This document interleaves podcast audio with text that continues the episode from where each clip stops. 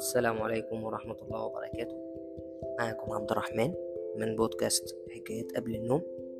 إن شاء الله كل يوم اثنين وخميس هيكون عندنا حلقة الساعة تمانية مساء.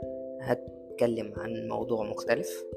إن شاء الله أول حلقة هتكون بكرة الساعة تمانية مساء. أتمنى إن أنتوا تستمتعوا بالبودكاست.